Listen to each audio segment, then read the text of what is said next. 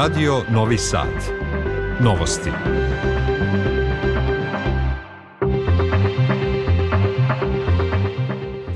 Dobar dan, poštovani slušalci, srećan praznik. Žele vam Aleksandar Grujić i Nikola Rausavljević. Dan državnosti Republike Srbije uz prisustvo državnog rukovodstva obeležen polaganjem venaca i odavanjem počasti na više lokacija. Centralna državna manifestacija održana je kod spomenika voždu Karadžorđu u Orašcu. Predsjednik Aleksandar Vučić poručio da kada nam je država ugrožena najvažnije je da budemo jedinstveni kao i da imamo odgovoran i ozbiljan pristup bez avanturizma. Ministarstvo odbrane i Vojska Srbije raspisali konkurse za prijem novih pripadnika u elitne jedinice vojske i policije. U zemljotresu koji je pre 10 dana pogodio Tursku i Siriju, prema poslednjim podacima poginulo više od 41.000 osoba.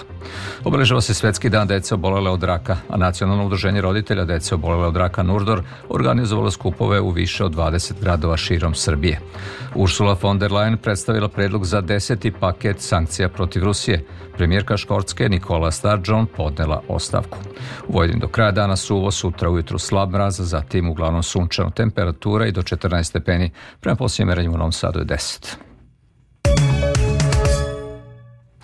Srbiji se obeležava Dan državnosti u znak sećanja na obnovu srpske državnosti početkom 19. veka. Na sretenje 1804. godine na Narodnom zboru u Orašcu donete odluka o dizanju prvog srpskog ustanka koji je predvodio vožd Đorđe Petrović Karađorđe. Sretenje je odabrano za Dan državnosti Srbije i zbog toga što je 1835. na taj dan u Kragujevcu na Velikoj narodnoj skupštini donet prvi ustav Kneževine Srbije nazvan Sretenjski. Njegov tvorac Dimitrije Davidović izradio ga je po uzoru na francuska i belgijska ustavna rešenja, što ga je svrstalo među najsavremenije ustave tog vremena. U to vreme ni Austrijsko carstvo, ni Turska, ni Rusija nisu imale ustave, a upravo su te zemlje izvršile pritisak da se od Sretenskog ustava odustane. Na snazi je formalno pravno bio 55 dana. Dan državnosti Republike Srbije uz prisustvo državnog rukovodstva obeležen je polaganjem venaca i odavanjem počasti na više lokacije, među njima i kod spomenika voždu Karadžorđu u Orašcu, gde je održana i centralna manifestacija obeležavanja Dana državnosti. U ime predsednika Republike venac je na grob nezdanog junaka na Avali položio ministar Nikola Selaković. U Kragujevcu je upriličena Sredenska akademija Knežev zapis koju je prisustovao predsednik Aleksandar Vučić koji je zatim u Beogradu dodelio odlikovanja zaslužnim pojedincima i institucijama. Premijerka Ana Brnović prisustovala je svečanoj državnoj državnoj ceremoniji u crkvi Svetog Đorđe na Oplencu, zadužbini kralja Petra I. Na Sretenskoj akademiji Knežev zapis u Kragujevcu. Na ceremoniji obeležavanja Dana državnosti u znak sećanja na obnovu srpske državnosti, predsjednik Vučić je istakao da Srbi 40 dana posle Božića slave Sretenje, najbitniji datum ne u verskom, već i u političkom, kulturnom i istorijskom kalendaru Srbije. Poručio je da je stvaranje države najveća avantura koja postoji, ali i da kada je stvorena država više ne trpi nikakav avanturizam. Opširnije je Boro Lazukić. Uz podsjećanje na istorijske okolnosti koje su Srbiju pre tačno 219 godina gurnule u veliki ustanak 1804. ali i na okolnosti koje su 31 godinu kasnije Srbiji donele prvi u to vreme najliberalniji ustav u Evropi, predsednik Vučić je poručio da je ovaj datum po svemu crveno slovo Srbije, jer smo mnogo toga započeli i uradili baš na sretenje. Kako je naveo, danas suočeni sa posledicama rata u kojem ne ne učestvujemo na istoku Evrope i sa pritiscima u vezi Kosova i Metohije, svoj spas možemo da nađemo u činjenici da smo u poslednjih deset godina uspeli baš ono što su naši predse hteli, da stvorimo jaku državu koja je u stanju da se razvija, ali i da se istovremeno bori i čuva svoje nacionalne interese. Stvorili smo državu koja ima pravo na reč, na poštovanje i koje to pravo crpi iz poštovanja onih principa na kojima bi trebalo čitav demokratski svet da poštiva.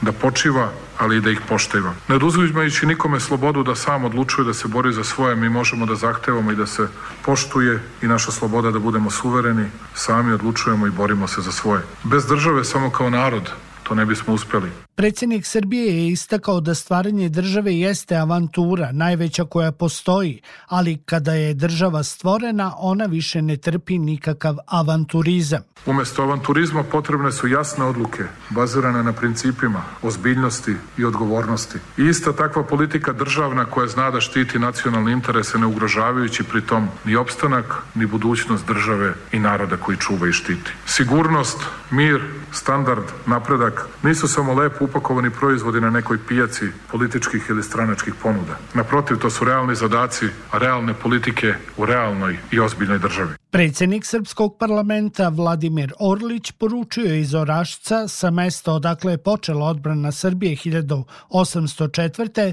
da je simbol državnosti i borba za slobodu koju i danas vodimo i da samo ujedinjeni i složni možemo da je izborimo. Gledamo se danas sa njima pravo u oči, kao što gledamo jedni u druge, kao što posmatramo ovo vreme u kome živimo.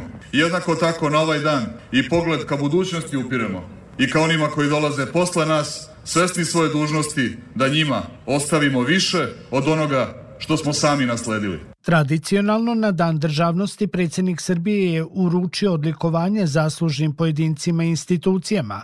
Među nosiocima Sretenskog ordena prvog stepena su profesor dr. Milovan Bojić za naročite zasluge u oblasti razvoja kardiovaskularne medicine, ali i Biblioteka Matice Srpske u Novom Sadu povodom 185 godina postojanja, kao i mnogi drugi. Posthumno su odlikovani Siniša Mihajlović, Kornelije Bata Kovač i potpukovnik pilot Dejan Stanojević, a nosioci ordena srpske zastave prvog stepena od danas su i ministar vlade Azerbejdžana Sahil Babajev i bivši američki ambasador Richard Grenell. Srbija obeležava Dan državnosti 15. februara na sretanje zbog dva značajna događaja koja su udarila temelje ka nezavisnosti i ka modernom društvu. Prvim srpskim ustavkom otpočela je borba protiv turske vlasti, dok je donošenjem Sretenskog ustava tadašnja vazalna kneževina dobila i prva obeleže državnosti, prava, slobode i podelu vlasti, a sam ustav je proglašen za najliberalniji i najviši pravni akt tog vremena u Evropi. Zapis Ane Rebić. Sretenski ustav postavio je temelj u samoj istoriji državnosti Srbije kao najviši pravni akt koji je doneo u tadašnju prestonicu Kragujevac duh slobode i demokratije, a ostavio je i feudalizam za sobom, objašnjava istoričarka Narodnog muzeja Šumadije Roksanda Aleksić. Ustav je dakle, ima 142 člana i ono što je najznačajnije da je ukinut feudalizam. Dakle, jedna sloboda je data e, srpskom čoveku. Dakle, lična sloboda, i pravo privatne svojine. To je ono što je ostalo. Ona je donosila i simbole državnosti, a to su grb i zastava. Imamo organe vlasti, to su knjez, državni savet i Narodna skupština. Vlast je podeljena na zakonodavnu, izvršnu i sudsku vlast po Sretinskom ustavu. I pored toga, sam Sretenski ustav iz 1835. godine nije mnogo potrejao zbog unutrašnjih i spoljašnjih faktora, ali je sa njim otpočeo put ka stvaranju moderne srpske države, dodaje Roksanda. Sretenski ustav je bio po mnogima najliberalniji i najdemokratski ustav u Evropi, međutim, e, Srbija koja je bila vazalna nije mogla imati ustav kao najviši pravni akt i kao simbol državnosti i nezavisnosti. Sve evropske države su se usprotivile ovom našem ustavu, tako da je on suspendovan suspendovan, u aprilu mesecu je konačno i ukinut. 1878. se ta cela priča zaokružila opet u gradu Kragujevcu, gde je Jovan Ristić, Kragujevčanin, pročitao odredbe Berlinskog kongresa i nezavisnost Srbije. Period u kome je Kragujevac od jedne varošice postao prva moderna srpska prestonica obeležen je Obrenovićima, dinastijom koja je grad na Lepenici stavila u središte društvenog, političkog i kulturnog života. Na osnovu odluke predsednika Republike i vrhovnog komandanta Aleksandra Vučića, Ministarstvo odbrane i Vojska Srbije raspisali su danas konkurs za prijem novih pripadnika u 63. padobransku brigadu, 72. brigadu za specijalne operacije i odred vojne policije specijalne namene Kobre. Mladići i devojke, državljani Srbije do 30 godina starosti mogu da do 31. marta podnesu prijave na konkurse za prijem u neku od elitnih jedinica. Ministar odbrane Miloš Vučević rekao je za list politiku da će se na osnovu naređenja predsednika Srbije Aleksandra Vučića broj pripadnika specijalnih upravnih jedinica sa 1500 povećati na 5000. Na pitanje da oceni saradnju sa kvorom tokom krize na severu Kosova i Metohije, Vučević je rekao da je jedina legitimna oružena sila na Kosovu KFOR i da je kao takav u obavezi da osigura bezbednost za sve građane na tom prostoru, kao i da čuva mir. U Leposaviću je organizovana javna rasprava o pitanju nelegalne ekspropriacije zemljišta. U javnoj debati sa predstavnicima prištinske vlasti, meštani sela Dreni i Lešak, čija imanja kosovske vlasti žele da eksproprišu, nisu dobili odgovor na pitanje šta će se graditi raditi na tom zemljištu. Direktor odeljenja za ekspropriaciju Afrim Murati rekao je da je to početak ekspropriacije, a ne njen kraj, dok je advokat Nebojša Vlajić koji zastupa većinu vlasnika rekao da vlada u Prištini nije ispoštovala zakonske procedure i da je u pitanju kršenje ljudskih prava. Pripadnici Ministarstva unutrašnjih poslova i BIA pronašli su karabin u automobilu marke Citroen, kojeg su zaustavili u Sremskoj kamenici, kojim je upravljao DB 1987. godište, a suvozač je bila još 1992. godište. MUP precizira u saopštenju da je prilikom kontrole i pregleda lica u vozilu ispod zadnjeg sedišta pronađen karabin sa postavljenim optičkim nišanom i više komada municije. Ta lica su privedena, a sumnja se da su krenula za Beograd na protest protiv navodne izdaje Kosova i Metohije, koji je za večeras najavljen ispred predsjedništva, a koji organizuju pripadnici narodnih patrola. Nezvanično mediji prenose da je jedan od privedenih pripadnik neformalne ultradesničarske grupe Narodne patrole iz Bačke Palanke, Dejan Boboček. Novosti Radio Novog Sada. U razornom zemljotresu koji je pre 10 dana pogodio Tursku i Siriju, prema poslednjim podacima poginulo je više od 41.000 osoba. Od toga je u Turskoj za sada više od 35.500 žrtava. Posledice zemljotresa trpi 13 miliona ljudi, od toga oko 7 miliona dece. U centralnoj Turskoj jutro se registrovano i nekoliko novih potresa, a najjači je bio 4,7 stepeni po Richteru na dubini od 5 km, saopštio Evropski mediteranski seizmološki centar. Razorni zemljotresi prošlog ponedeljka bili su jačine 7,7 i 7,8 stepeni. Deseti dan nakon razornog zemljotresa sve manje šanse da se ispod ruševina nađu preživeli, međutim život često demantuje te procene. U turskoj provinciji Adi Yaman 212 sati nakon zemljotresa 77-godišnja žena izvučena živa iz ruševina administrativnog centra istoimene provincije i hospitalizovana. Više od 220 sati nakon rušenja zgrade u gradu Kahramanmaršu na jugu Turske iz ruševina je spasena 42-godišnja žena. Spasilačke ekipe još su na terenu, među kojima je ekipa spasilaca iz Srbije. Turski predsjednik Recep Tayyip Erdogan izjavio da će njegova vlada nastaviti sa radom sve dok i poslednja osoba ne bude spasena iz ruševina u oblastima koje je pogodio zemljotres, kao i da su srušene zgrade podsjetile vladu da su potrebne strože građevinske regulative. Turski predsjednik dodao je da je nakon zemljotresa nemoguć život u više stotina hiljada zgrada na jugu Turske.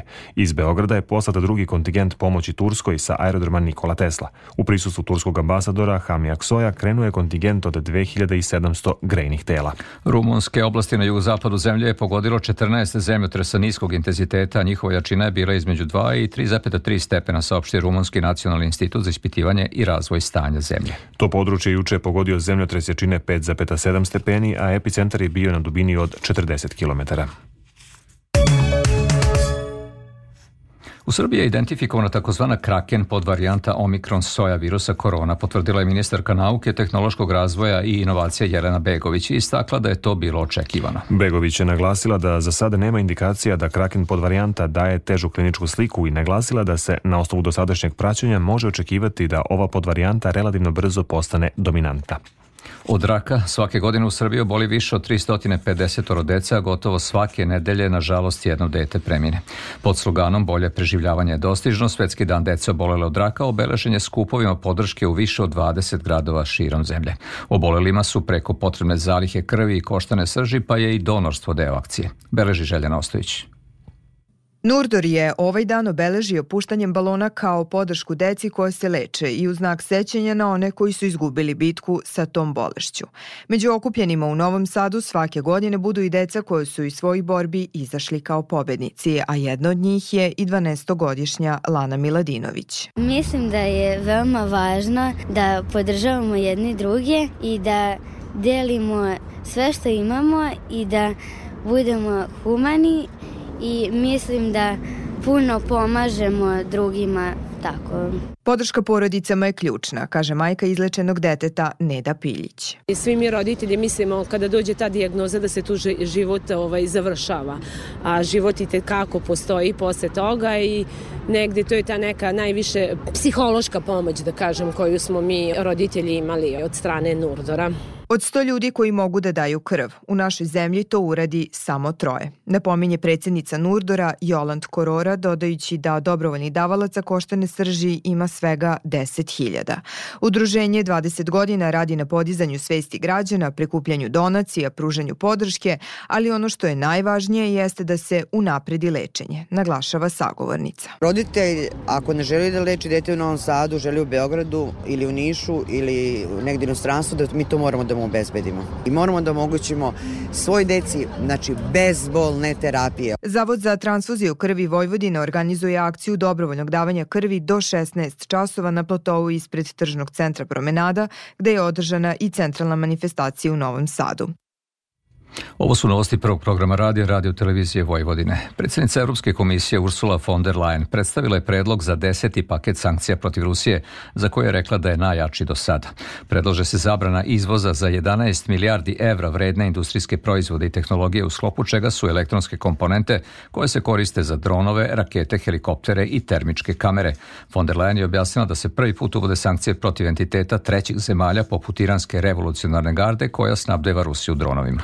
Ministri odbrane NATO u Briselu razgovaraju o tome kako zapadni saveznici mogu da podrže Ukrajinu u sukobu sa Rusijom. Ukrajinski ministar odbrane Oleksij Reznikov izjavio je da očekuje da na obimnom dnevnom redu u belgijskoj prestonici bude i rasprava o isporuci tenkova Ukrajini.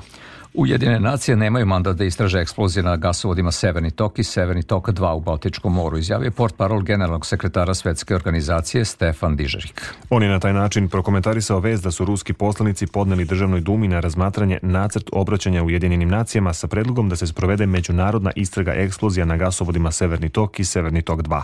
Predlog ruskih parlamentaraca zasniva se na rezultatima istrage američkog novinara Seymoura Herša, koji navodno ukazuje na umešanost Sjedinjenih država i Norveške u napade na tri kraka gasovoda Severni tok i Severni tok 2.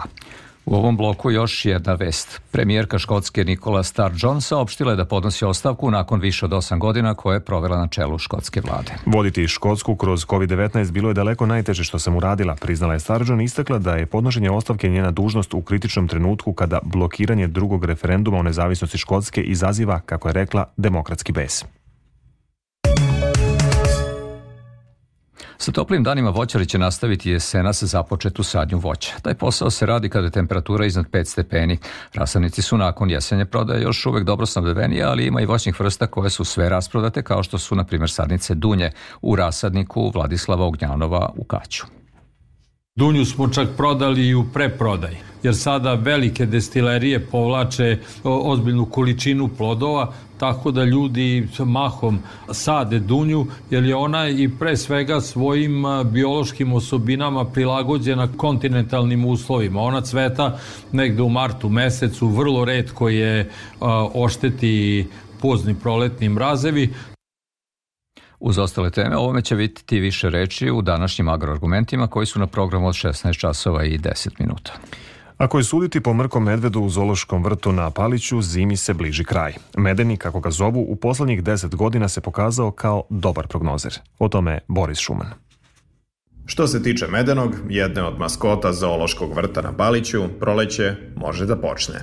Na sretenje, kada se po narodnom verovanju susreću zima i leto, Po ponašanju mrkog medveda može da se proceni koliko će zima još da traje. Sudeći po medenom, sa zimom je gotovo, tvrdi direktorka Zološkog vrta na Paliću, Sonja Mandić. Naš medeni od jutros je veoma aktivan, pretražuje svoju volijeru, obeležava teritoriju, šeta se i ne pokazuje nikakve znake da pokušava da se vrati nazad u pećinu, tako da se nadamo da je dobar prognozer i da zima neće još dugo trajati. Da li zbog načina života u zološkom vrtu, gde medvedi redko idu u hibernaciju, da li zbog klimatskih promena, medeni se do sada pokazao kao dobar prognozer uglavnom je pogađao. Da li je to zbog generalno zbog klimatskih promena, zbog toga što su zime i inače kraće u poslednjih deset godina koliko je on kod nas u Zološkom vrtu na Paliću, zaista posle sretenja redko je e, bila jača zima. Na radost velikog broja posetilaca nije samo medeni bio van zimskog bivaka, već su i ostale životinje iskoristile sretenjsko sunce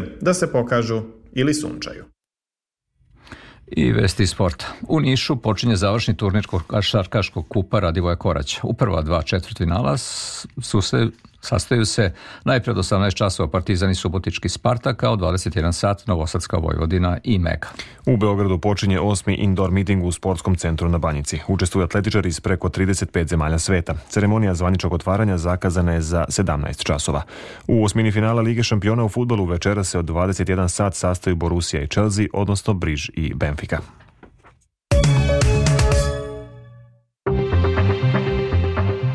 I pred kraj novosti još jednom najvažnije iz emisije. Dan državnosti Republike Srbije uz prisustvo državnog rukovodstva obeležen polaganjem venaca i odavanjem počasti na više lokacija.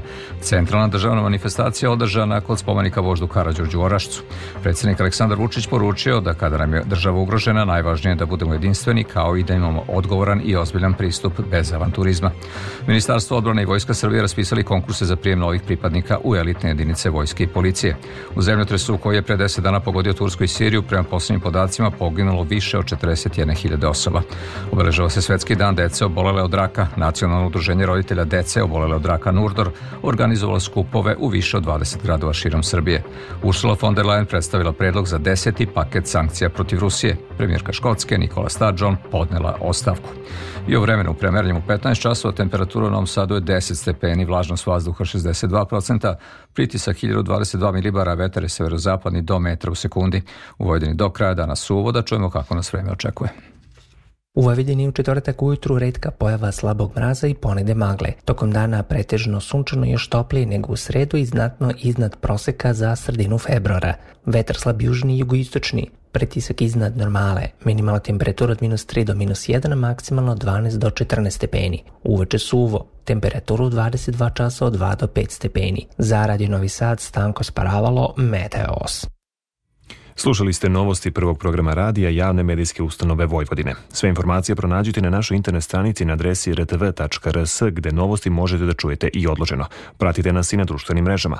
Producent Goranka Jednak Maksimović, tonska realizacija Agnes Ćurčija, Aleksandar Grujić i Nikola Rausavljević žele vam prijatan ostatak dana. Ostanite uz Radio Novi Sad u 15 časova i 30 minuta je Radio Sport, a nakon vesti u 16 časova emisija o aktuelnostima u proizvodnji hrane Agroargumenti koje priprema Đorđe Simović.